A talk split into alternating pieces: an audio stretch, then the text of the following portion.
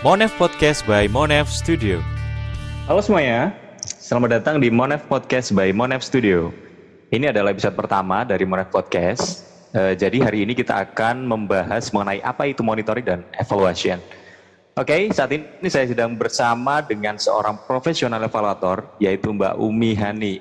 Uh, beliau adalah founder dari Monef Studio, sebuah startup yang mempromosikan tentang sustainable development, literasi evaluasi, dan inklusivitas. Oke, tidak perlu berlama-lama, langsung saja kita sapa Mbak Umi Hani. Halo Mbak Umi. Halo Nailul, apa kabar? Alhamdulillah sehat. Mbak Umi gimana sehat?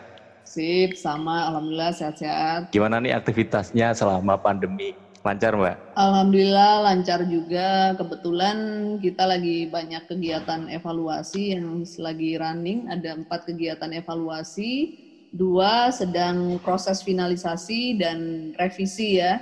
Jadi uh, dua lagi uh, apa tahap akhir dan satu kegiatan evaluasi baru masuk. Terus kemudian kita juga lagi persiapkan kegiatan penjangkauan-penjangkauan untuk uh, perkenalan Monet Studio ke halayak yang lebih luas di Indonesia gitu. Wah luar biasa sekali ya di tengah pandemi masih bisa produktif Oke, okay, tapi kita tidak akan membahas mengenai uh, Mono Studio, jadi kita sekali lagi kita akan membahas mengenai monitoring dan evaluation. Jadi uh, kita diskusi santai aja Mbak ya. Siap.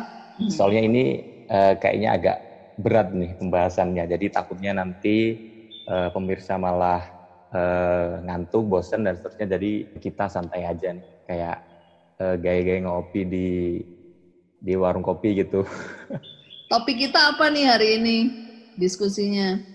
Topik kita uh, diskusinya tentang uh, monitoring dan evaluation, Mbak. Jadi apa ya breakdown tentang apa itu monitoring, tentang apa itu evaluasi, semuanya yang ada di uh, dalamnya tentang pentingnya, uh, peran pentingnya dan seterusnya. Jadi nanti uh, kita akan kupas satu persatu dari uh, definisi dulu, biar uh, pemirsa di rumah ini tahu gitu loh gambaran. Oh ternyata uh, monitoring itu seperti ini, evaluasi itu seperti ini. Oke, bisa banget. Siap? Oke, siap, Mbak ya. Hmm.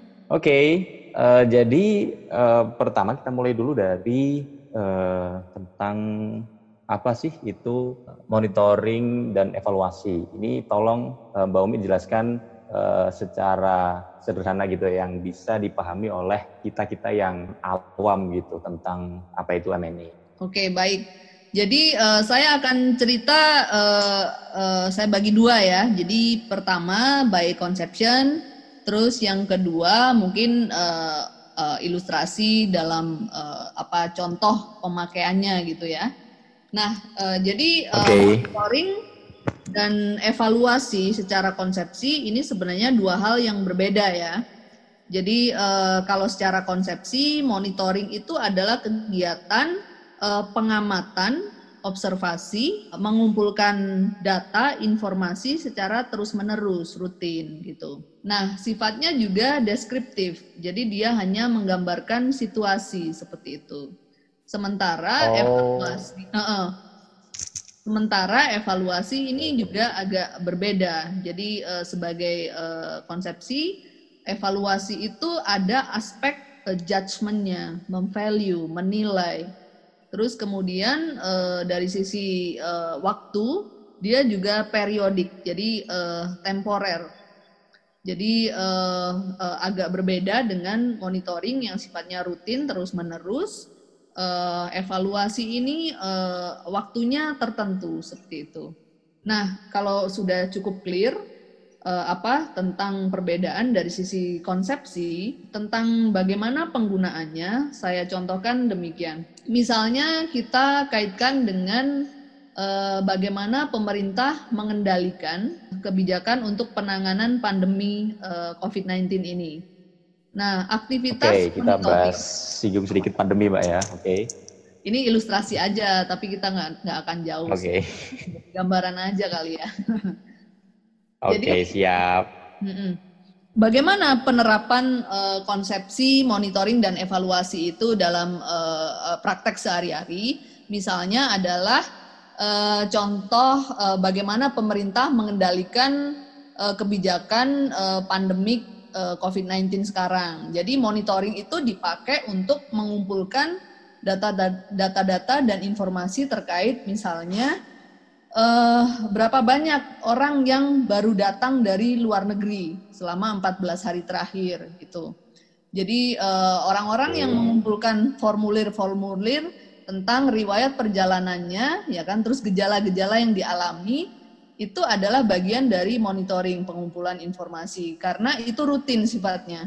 Jadi setiap kedatangan itu meng, e, mereka mengisi secara terus-menerus meskipun kemudian e, misalnya pemerintah mengumpulkannya tiap seminggu misalnya.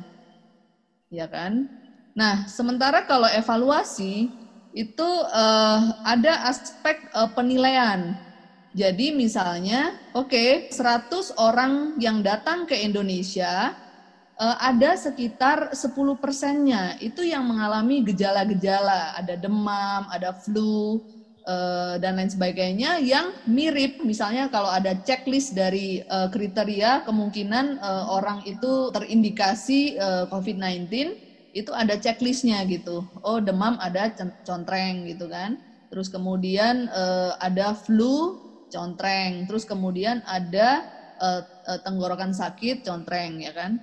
Nah, kemudian 10 persennya, uh, 10 persennya apa uh, memenuhi uh, checklist tersebut. Artinya uh, dari uh, uh, proses uh, apa analisa data yang dikumpulkan dari hasil monitoring itu, kita uh, merekomendasikan beberapa hal gitu kan.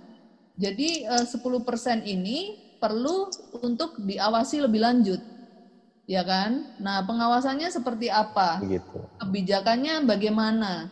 Terus kemudian eh, eh, apa? Eh, misalnya nih dari 10% ini dibagi lagi kategori usianya balita. Ada yang kategori usianya eh, muda ya di bawah 40 tahun. Terus kemudian ada yang kategori manula, ya kan? Nah, ini treatmentnya bagaimana dari tiga ini? Nah, dari sisi evaluasi ini kita bisa membantu pemerintah untuk eh, apa dari proses analisis, kemudian eh, proses penilaian dan justifikasi, kemudian kita bisa merekomendasikan eh, kepada pemerintah berdasar hasil evaluasi yang kita lakukan tadi. Oh, pemerintah tolong kamu eh, fokus ke eh, kelompok yang rentan ini, manula dan balita untuk penanganan uh, secara khusus. Jadi uh, balita dan manula misalnya di Wisma Atlet, terus kemudian kategori usia muda kemungkinan untuk uh, sembuh itu sangat tinggi, ya kan? Dan kemungkinan untuk kritis itu rendah kayak gitu. Jadi uh, alternatif lainnya mungkin bisa dalam uh, self isolation seperti itu. Nah ini sebagai ilustrasi oh, aja, begitu. tapi tentu prakteknya okay, okay. memang uh, lebih kompleks gitu ya. Ini sekedar gambaran umum aja bagaimana sih cara membedakan monitoring dan evaluasi gitu. Cara konsep sederhananya ini uh, berjalannya, ini pertama uh, monitoring dulu, kemudian evaluasi gitu mbak ya? Uh, tidak harus sih uh, sequence gitu uh, bersamaan. Ada yang sequence juga, cuman nggak harus karena cabang-cabang dari evaluasi itu kan banyak, ya kan? Jadi ada evaluasi yang dilaksanakan sebelum program berjalan, eh, namanya ex ante. Okay. Ada yang saat dijalankan, namanya ongoing. Tapi ada saat program itu sudah selesai, namanya expose, gitu. Nah, terus kemudian cabang-cabang oh. uh, evaluasi uh, nature pelaksanaan evaluasinya. Ada evaluasi yang sifatnya internal, ada yang sifatnya eksternal gitu. Jadi pada saat misalnya organisasi itu melakukan monitoring rutin, evaluasi independen yang eksternal itu bisa datang mengevaluasi gitu. Oh begitu ya Mbak. Jadi uh, tidak melulu monitoring itu uh, selalu lebih dulu daripada evaluasi. Jadi bisa Eh, berbarengan atau eh, seperti yang Mbak Umi jelaskan tadi.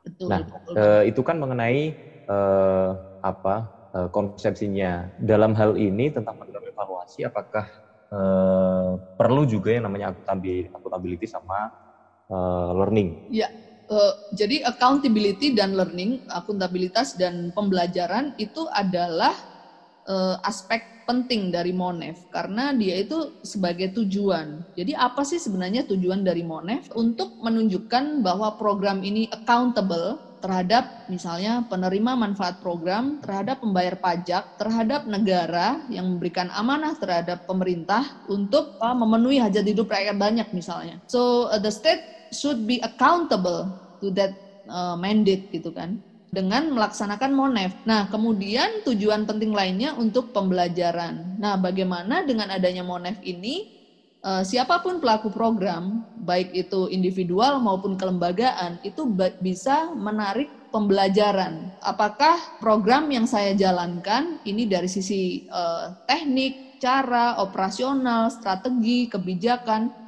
itu uh, telah uh, benar atau lebih baik? Apa yang bisa saya pelajari dari uh, cara yang lama? Apa yang bisa saya perbaiki? Apa yang bisa saya sempurnakan dan tingkatkan terus dan lain sebagainya?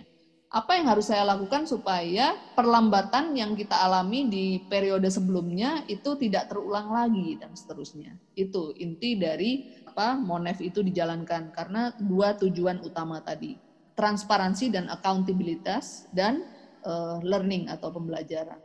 Oh itu berarti kaitannya uh, kalau saya menangkap nih kan uh, apa ya uh, membaca bagaimana program ini berjalan, kemudian dampak-dampaknya dan seterusnya. Nah, sebagai ketika suatu program tersebut akan uh, berkelanjutan nah, dari tahun ke tahun, nah kan bisa digunakan sebagai bahan evaluasi untuk program yang akan datang. Jadi seperti yang dijelaskan Mbak Umi tadi, sebenarnya kekurangan dari program uh, yang sekarang ini apa sih? Nah itu bisa uh, sebagai uh, landasan penyempurnaan dari program uh, selanjutnya. Nah dari situ kan tentu ada ukuran-ukuran uh, tertentu uh, dari sebuah program tingkat keberhasilan dan seterusnya. Uh, kalau dalam bahasa lain itu namanya indikator. Nah, istilah Monef, apakah ada indikator-indikator tertentu sih, Mbak? Jadi uh, indikator atau parameter uh, itu menjadi bagian uh, kunci bagaimana uh, progres atau perkembangan uh, sebuah program atau sebuah intervensi itu dijalankan. Juga untuk melihat seberapa jauh pencapaiannya. Jadi uh, perkembangan aja nggak cukup, tapi juga pencapaian. Jadi bahasa Inggrisnya oh, pencapaian ya, oke. Okay. progress and achievement itu kan dua hal yang berbeda. Dalam bahasa Indonesia-nya mungkin agak mirip ya istilahnya perkembangan dan pencapaian. Nah teknisnya seperti ini. Bagaimana untuk mengukur atau uh, mengidentifikasi indikator yang pas. Tapi uh, by definitions uh, indikator itu apa sih? Jadi sebenarnya indikator itu adalah ciri-ciri atau symptoms. Jadi kalau dokter sebelum dokter itu mendiagnosa kita dengan penyakit tertentu, dia akan menanyakan ciri-ciri kan. Demam, Bapak Ibu pusing, Bapak Ibu terasa nyeri di mana?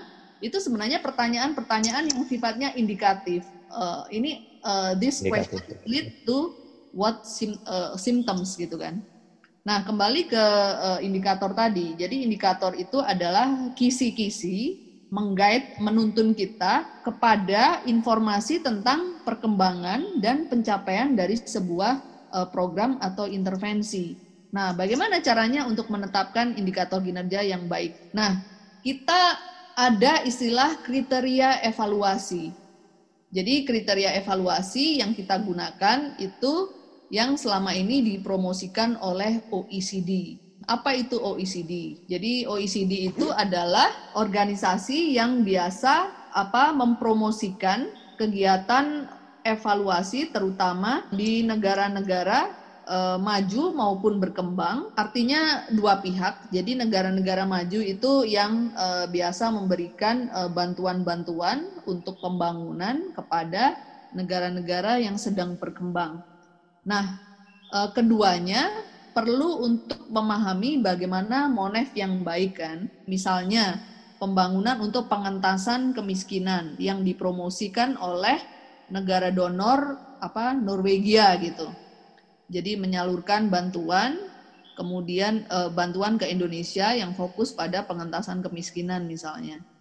Nah, seberapa jauh e, program pengentasan kemiskinan yang dipromosikan oleh pemerintah Norwegia melalui bantuan-bantuannya itu dalam perkembangannya itu memang sesuai yang diharapkan. Nah, hmm, sesuai yang diharapkan kalau sesuai itu kan sangat uh, abstrak ya. Nah, makanya kesesuaian ini harus dibicarakan dua pihak antara negara yang mendukung proses pengentasan kemiskinan tadi juga negara yang menerima keduanya perlu punya kesepahaman tentang yang dimaksud dengan sesuai tadi itu apa. Makanya indikator ini menjadi bahasa kedua belah pihak untuk misalnya Indonesia bilang kemiskinan kita turun. Apa indikatornya? Nah, ketika oh, iya, iya. Okay. ketika Indonesia bilang uh, indeks Gini kita 0.2 misalnya. Oh, Norwegia tahu, paham. Oh ya, yeah, that's good, ya kan? Karena apa? Indikator ini bahasa yang bisa dipahami kedua pihak tadi. Oh ya, berarti 0,2 itu bagus dan uh, apa? Uh, angka misalnya angka ketimpangan ini turun dari periode sebelumnya yang misalnya 0,3 atau 0,4 misalnya. Sorry, saya pakai contoh uh, indeks Gini uh, itu bukan untuk mengukur kemiskinan tapi untuk ketimpangan ya. Jadi OECD uh, atau kepanjangannya ini Organization for Economic cooperation and development itu yang memang uh, apa uh, mempromosikan kriteria evaluasi itu. Nah, kriteria evaluasi ini tadinya ada lima: uh, relevansi, efektivitas, efisiensi, sustainability atau keberlanjutan, dan impact dampak ada lima. Tapi kemudian dua tahun terakhir ini ada diskusi uh, bergulir, kayaknya nggak cukup, perlu ditinjau lagi. Nah, makanya kemudian eh, lahir satu kriteria evaluasi baru namanya koherensi dan juga penyempurnaan dari eh, apa eh, makna dari masing-masing kriteria evaluasi tadi. Nah, kemudian apa yang bisa kita lakukan dengan kriteria evaluasi ini? Nah, ini menarik karena sebenarnya untuk membangun indikator itu sulit karena kalau kita lihat dokumen-dokumen pemerintah yang ada atau eh, organisasi-organisasi baik itu bilateral, multilateral, kemudian NGO, uh, uh, CSO itu masih sangat apa ya beragam. Tapi kalau kita punya patokan atau fondasi yang jelas bagaimana menyusun indikator yang baik, itu akan uh, sangat membantu apa Eh, program tersebut untuk menjalankan Monef yang baik. Jadi kriteria evaluasi itu kita bisa pakai untuk menyusun uh, pertanyaan evaluasi yang berguna untuk mengembangkan indikatornya. Jadi misalnya gini, kalau kita mau mengukur sebab akibat. Jadi sebab akibat itu misalnya apakah bepergian ke luar negeri selalu menyebabkan potensi terkena COVID-19 misalnya. Berarti ini kan ada pertanyaan sebab akibat ya kan? E, pergi ke luar negeri menyebabkan terkena resiko e, COVID-19. Nah, pertanyaan sebab akibat ini kan e, kita coba mengukur e, kausalitas ya kan? Berarti kalau kausalitas ini berkaitan dengan pertanyaan yang mengarah kepada dampak. Jadi misalnya pembatasan ke luar negeri, apakah itu akan menurunkan potensi uh, masyarakat kita yang akan terkena uh, eh, COVID-19 misalnya. Nah, itu itu contoh pertanyaan yang sifatnya kausalitas. Nah, bagaimana dari situ menyusun indikatornya? Bentuk pertanyaannya kausalitas, sebab akibat. Kalau saya menangkap di sini berarti MN ini penting dong, Mbak.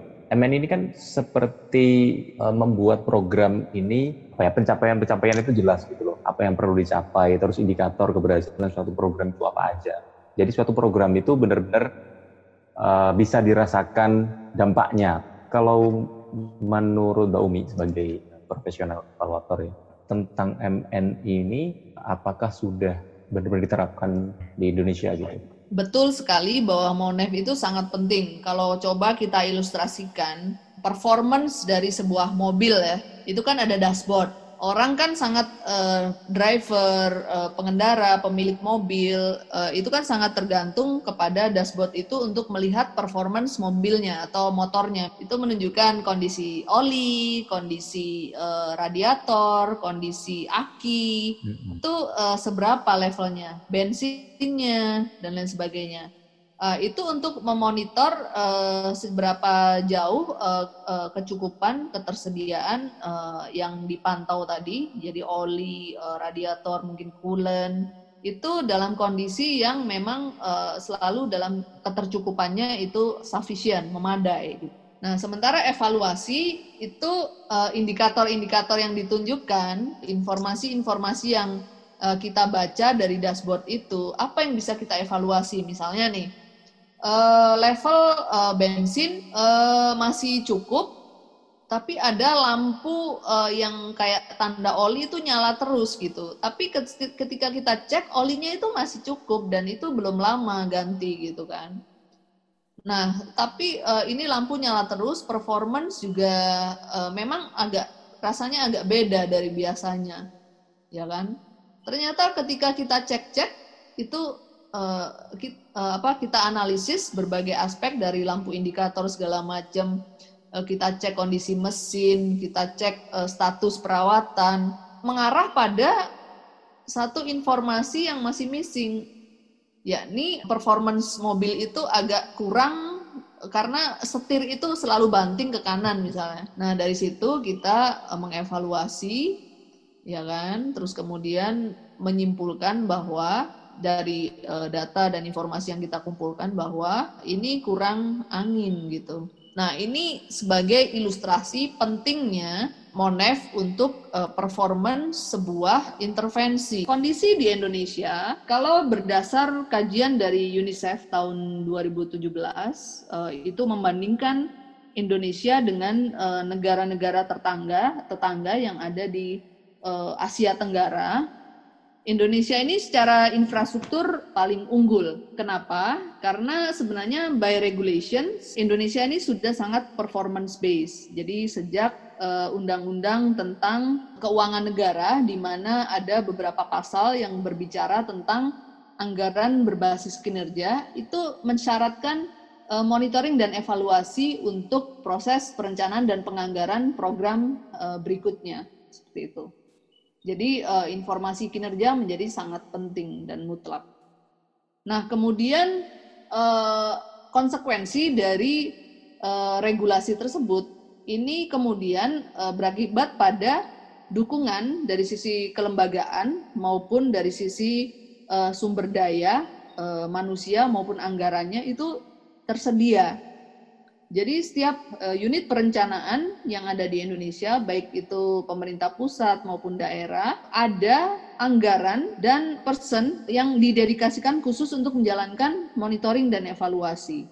Nah, uh, proses kelembagaan Monef ini menjadi sangat penting dan Indonesia sebenarnya uh, sudah berhasil mencapai itu. Jadi by system Monef itu sudah terbangun di Indonesia. Tapi ada challenge yang masih sangat masif soal kualitas pelaksanaannya. Nah, kualitas pelaksanaannya ini mulai dari uh, bagaimana SDM SDM itu punya kapasitas cukup untuk melakukan misalnya pendataan, melakukan proses uh, pembersihan data, melakukan bahkan ketika mengumpulkan data atau mendesain uh, kegiatan monefnya itu juga masih banyak kendala. Ya kan? Terus kemudian bagaimana mengelola data itu menjadi informasi, terus kemudian dari informasi itu bagaimana kemudian didorong uh, untuk dimanfaatkan oleh para pemanfaat evaluasi dan nggak numpuk di lemari arsip. Ini masih uh, menjadi tantangan kita. Nah, tentu uh, apa uh, PR ini masih uh, cukup apa ya panjang untuk menyelesaikannya dan uh, lumayan kompleks mana dulu. Tapi paling nggak dari sisi kelembagaan itu kita uh, yang yang dari sisi kelembagaan yang sudah terbangun itu kita bisa uh, terus uh, tingkatkan dan uh, sempurnakan sistem Monef yang ada di, di Indonesia. Sip. Jadi pada dasarnya pelaksanaan Monef itu sangat tergantung dengan kapasitas individu maupun organisasi yang akan menjalankan. Kemudian proses pengumpulan data ini sangat penting. Ada beberapa kaidah untuk sebelum kita terjun ke lapangan untuk mengumpulkan data, ya kan? Baik data primer atau sekunder. Jadi uh, maksud saya terjun ke lapangan itu bukan berarti kita ke daerah atau ke field gitu ya, tapi uh, mobilisasi uh, kegiatan evaluasi itu sendiri. Ada beberapa hal yang perlu kita persiapkan. Jadi uh, pertama, bagaimana desain evaluasi itu mengcapture uh, seluruh informasi uh, terkait data apa yang akan kita kumpulkan, bagaimana caranya atau strateginya, siapa saja yang akan berkontribusi terhadap uh, data dan informasi tersebut. Lalu uh, bagaimana kita mengolahnya? Nah, kemudian uh, dari sini kita menentukan metodologi dan pendekatan apa yang pas dan sesuai untuk kebutuhan evaluasi tersebut. Nah, dari situ perlu kita siapkan yang namanya lembar uh, inform consent. Saya pikir banyak ya uh, apa contoh-contoh lembar inform consent untuk uh, apa pelaksanaan pengumpulan data lapangan. Jadi lembar inform consent ini bagian dari kode etik yang harus kita pegang pertama sebelum kita menjalankan proses pengumpulan data uh, sesungguhnya gitu. Lembar inform consent ini uh, menjelaskan tentang keterbukaan dari sisi tujuan maupun metodologi dan untuk apa dan bagaimana hasil akhir evaluasi ini uh, akan dimanfaatkan dan uh, bagaimana responden atau informan atau pemberi data itu akan tetap uh, terlindungi gitu atau apa informasinya akan dimanfaatkan secara proporsional tidak disalahgunakan gitu. Jadi lembar inform consent itu menjadi salah satu hal yang perlu dipersiapkan. Nah, selain itu kode etik dari uh, pelaksananya ini menjadi uh, penting ya. Paling enggak apa manajer atau koordinator evaluasi itu harus menyiapkan semacam uh, formulir pernyataan ya. Misalnya kode etik tidak uh, menyalahgunakan apa hak anak misalnya eksploitasi anak gitu kan. Dan uh, apa nilai-nilai universal lainnya gitu. Penghargaan terhadap hak asasi manusia kebebasan berpendapat dan sebagainya terus kemudian uh, lebih spesifik misalnya uh, integritas, kejujuran, terus kemauan untuk menjaga kerahasiaan dan lain sebagainya. Terus kemudian uh, code of conduct ini juga penting. Jadi selain kode etik tadi, jadi code of, code of conduct itu misalnya apa pada saat di lapangan itu tidak menerima uh, uang gitu misalnya. Karena ada pengalaman uh, saya dulu mengevaluasi satu program ketika di lapangan itu karena mereka ketakutan karena evaluasi dianggap audit kita coba dikasih ini uang transport segala macam. Padahal kita dari kantor sudah ada gitu. Nah itu wajib kita tolak karena ya uh, itu akan mempengaruhi nanti hasil evaluasi kita. Karena uh, evaluasi ini idealnya memang uh, imparsial gitu. Tentang hal ini kita akan baiknya kita akan diskusikan nanti di episode berikutnya karena akan ada hubungannya dengan paradigma evaluasi. Itu sih. Uh, kalau dikulik mau lebih dalam jadi pembahasannya sangat luas dan panjang ya, Mbak. Bener banget. Oke. Okay. Oke, okay, siap. Oke. Okay. Berarti kan memang dalam MNI, Monitoring Evaluation ini memang ada kode-kode etik tertentu ya, Mbak. Khususnya dalam proses pengambilan data uh, dan seterusnya. Jadi uh, memang sesuatu yang kompleks dan cukup menarik untuk dipelajari lebih lebih mendalam begitu.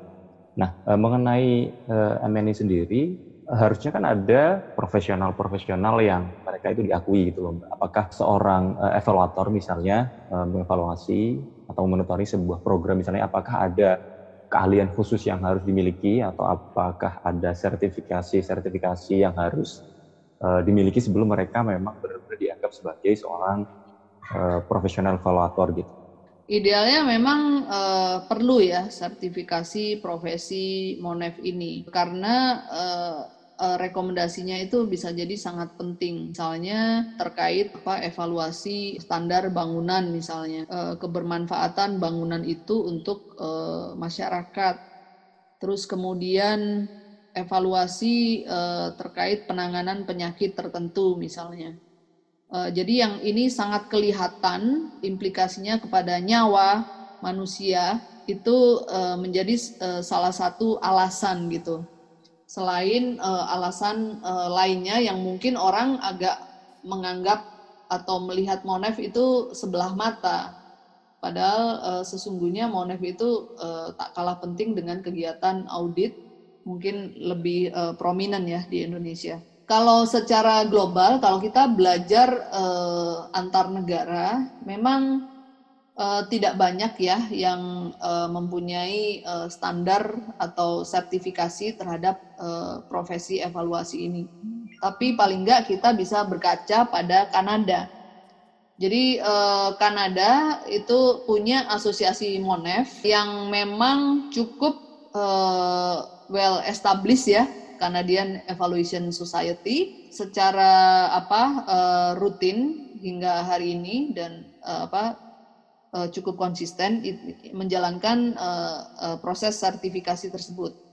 Tapi tentu sertifikasi itu tidak stand alone ya, karena di belakangnya ada hal yang coba dijaga. Jadi profesionalisasi, profesionalisme dari profesi Monef itu sendiri. Jadi ada kegiatan pelatihan, ada kegiatan quality assurance, yang itu memang uh, dikawal untuk memastikan bahwa para evaluator itu uh, pas atau lulus dalam materi kompetensi tertentu. Misalnya, uh, apakah evaluator A berkompeten terhadap uh, evaluasi jenis evaluasi program penanganan penyakit HIV/AIDS. Nah, standar kompetensinya apa saja? Nah, ini yang dimaksud sebagai kenapa kemudian sertifikasi untuk uh, profesi Monef uh, menjadi uh, penting untuk mulai diwacanakan seperti itu? Khususnya untuk Indonesia ya. Karena sebenarnya effort untuk di uh, apa secara global itu juga udah cukup lama. Gitu sih. Oh gitu. Jadi uh, memang dibutuhkan keahlian keahlian khusus begitu mbak ya? Iya uh, memang. karena Uh, karena dari pengalaman saya sendiri, saya kan tadinya peneliti umum, saya ada background ekonomi, terus kemudian ada satu assignment yang uh, saya harus jadi M&E officer ya untuk program loan waktu itu tahun 2006. Jadi saya uh, learning by doing, nyebur kemudian baru belajar. Nah, kebetulan mitra saya waktu itu kan uh, international uh, apa expert gitu. Jadi saya juga sambil belajar yang bersangkutan, saya juga secara otodidak uh, belajar dari literatur-literatur yang ada. Terus kemudian uh, secara parsial saya ikut uh, beberapa course terutama uh, terutama yang ada di luar negeri ya. Kalau yang ada di Indonesia jujur saya uh, merasa monefnya itu masih sangat administratif. Nah, yang substansial itu justru kita bisa dapatkan di luar negeri. Tapi itu sifatnya parsial sampai kemudian saya ikut program IBDET. IBDET itu uh, international uh, program for uh, evaluation training yang itu dipromot oleh uh, Bank Dunia dan University of uh, Carleton itu. Jadi itu programnya satu bulan penuh program yang cukup komprehensif. Terus kemudian saya belajar Monef juga di Belgia. Nah, itu kemudian yang tidak ansih e, melihat Monef sebagai hal yang mechanical, artinya e, fokus pada metode aja, tapi secara e, broad, secara holistik, melihat dari aspek pembangunannya. Makanya kemudian monitoring and evaluation sama development evaluation itu adalah two different things. Tapi nanti episode. Uh, ini ada pertanyaan terakhir, pertanyaan terakhir mengenai uh, harapan dari uh, Mbak Umi Hani mengenai uh, perkembangan monitoring dan evaluasi di Indonesia. Harapan ya, ya. Jadi intinya uh, Monef itu kerja bareng ya. Uh, jadi kerja kolaborasi antara si evaluatornya, si asosiasi Monefnya, uh, pemerintahnya, anggota dewannya, dan uh, masyarakat pada umumnya seperti itu. Jika itu terbangun, maka uh, budaya Monef yang apa itu embedded itu tertanam kepada baik itu individu maupun kelembagaan itu akan menjamin ya bahwa kinerja dan hasil-hasil pembangunan yang ada itu akan bisa memenuhi kebutuhan e, menjawab apa yang diamanahkan negara ini dalam undang-undang seperti itu. Karena semua pihak akan menjadi e, accountable gitu. Semua pihak akan e, transparan. Semua pihak akan selalu e, ada proses e, learning gitu. Akan selalu berusaha menjadi lebih baik dalam sisi misalnya perencanaan program, anggaran, eh, kegiatan, improve terus eh, apa intervensi-intervensi yang dilakukan dan lain sebagainya. Nah, Monef menjadi uh, budaya atau gaya hidup bagi individu maupun kelembagaan tersebut. Nah, itu perlu kerjasama berbagai pihak seperti itu. Nah, memang harus ada pihak pihak-pihak yang apa ya berinisiatif. Nah, makanya uh, Monef Studio ini uh, menjadi salah satu pihak yang ingin berpartisipasi aktif untuk membangun uh, proses itu bagaimana kemudian uh, budaya organisasi, uh, budaya kelembagaan, budaya individu, budaya negara Indonesia ini menjadi uh, lebih appreciate terhadap uh, Monef. Uh, baik, cukup Mbak? Cukup kayaknya ya, udah panjang banget. Nanti diskusinya bisa kita sambung lah di sesi-sesi berikutnya. Oke, cukup ya. Ya semoga semoga bermanfaat buat teman-teman uh, di mana pun kalian berada saya mengucapkan terima kasih kepada Mbak Umi Hani yang sudah menyempatkan waktunya untuk kita berbincang-bincang pada hari ini. Eh, sekali lagi semoga eh, bermanfaat untuk teman-teman yang sedang stay tune bersama bersama kita. Eh, semoga bermanfaat dan tetap mengikuti kita di episode-episode yang berikutnya. Mungkin dari Mbak Umi ada pesan-pesan kalau enggak langsung saya tutup. Uh, sebenarnya itu aja sih uh, uh, ikuti terus kanal-kanal uh, literasi Monef Studio untuk uh, belajar tentang uh, Monef kenapa itu penting dan kemudian bagaimana itu uh, internalisasi ke diri masing-masing untuk refleksi dan lain sebagainya. Juga mungkin sebagai pilihan karir ke depan. Itu aja sih. Salam Monef. Oh, jadi ada salamnya ya, Mbak? Ada. Salam Monef ya. Oh. Salam Monef, siap. Nanti biar teman-teman di rumah ikut juga. Bisa salam Monef. Iya, kita Oke, okay, uh, eh, kita cukupkan ya perbincangan kita pada hari ini. Uh, terima kasih buat semuanya. Sampai jumpa di episode-episode Monef Podcast by Monef Studio selanjutnya. Oke, terima kasih. Wassalamualaikum warahmatullahi wabarakatuh. Waalaikumsalam warahmatullahi wabarakatuh. Terima kasih semuanya.